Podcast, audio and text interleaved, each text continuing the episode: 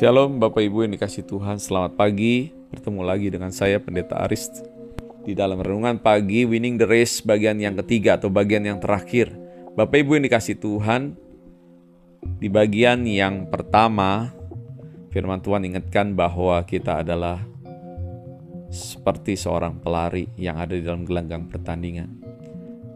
Kita harus terus berlari. Jangan menyerah, jangan jalan, jangan jadi penonton. Kita harus terus berlari.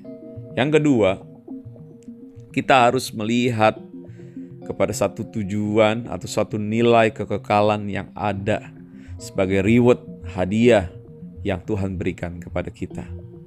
Sebab itu, kita juga akan terus pandang Yesus. Pandang kepada satu nilai kekekalan yang dunia ini tidak bisa berikan.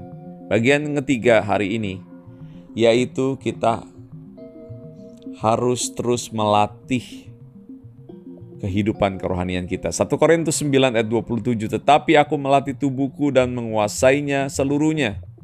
Supaya sesudah memberitakan Injil kepada orang lain, jangan aku sendiri ditolak. Bapak Ibu yang dikasih Tuhan, kita harus terus melatih.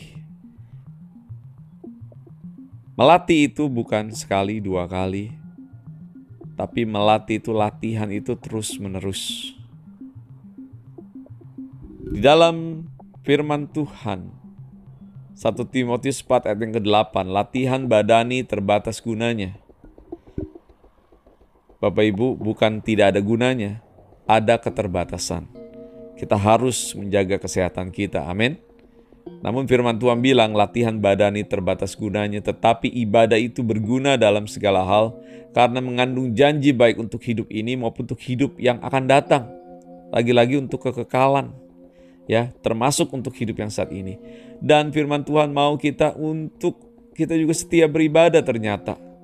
Jangan kita hanya memperhatikan badani ini, jasmani ini dibentuk sehingga wah menjadi baik.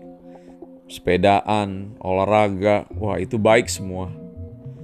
Namun bagaimana dengan kerohanian kita? Apakah kita sudah cukup disiplin melatih kerohanian kita? Setiap pagi kita boleh renungan sama Tuhan, baca firman Tuhan. Setiap saat dalam pertemuan ibadah kita bisa beribadah. Jangan di tengah-tengah pandemi ini kita juga jadi malas beribadah dengan alasan seribu satu. Ada begitu banyak alasan orang. Apakah kita disiplin di dalam kita melatih kehidupan kerohanian kita? Bapak Ibu, tidak ada hasil yang baik tanpa kedisiplinan yang tinggi. Tidak ada juara pemenang yang luar biasa tanpa disiplin yang tinggi. Sebab itu Bapak Ibu yang dikasih Tuhan, mari kita harus hidup disiplin. Latih kehidupan kita. Kalau hari ini engkau ada masalah, kita akan menghadapinya bersama Tuhan. Besok kita akan menjadi kuat dan kita akan semakin kuat. Itu terus dilatih. Jangan begitu ada masalah, kita langsung tinggalkan Tuhan. Kita bersungut-sungut dan bahkan marah kepada Tuhan. Jangan Bapak Ibu. Kita harus terus melatih. Dengan kita melatih kita akan jadi kuat. Ketika kita kuat, bersama kekuatan yang dari Tuhan, saya percaya Bapak Ibu akan mampu memenangkan pertandingan, winning the race sehingga Bapak Ibu juga boleh menyelesaikan pertandingan itu dengan baik, finishing well. Bapak Ibu yang dikasih Tuhan, mari kita sama-sama mau disiplin di dalam menjaga, melatih kehidupan kerohanian kita di dalam Tuhan. Baca firman-Nya. Berdoa, bangun hubungan sama Tuhan. Setia terus beribadah dalam pertemuan ibadah yang diadakan. Dan kita akan terus bersama-sama menyelesaikan sampai di titik akhir.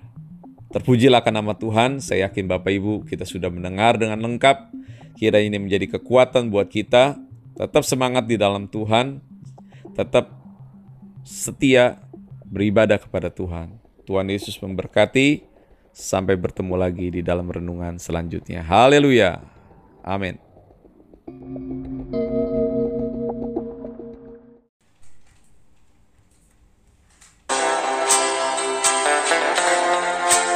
Sampai jumpa esok hari.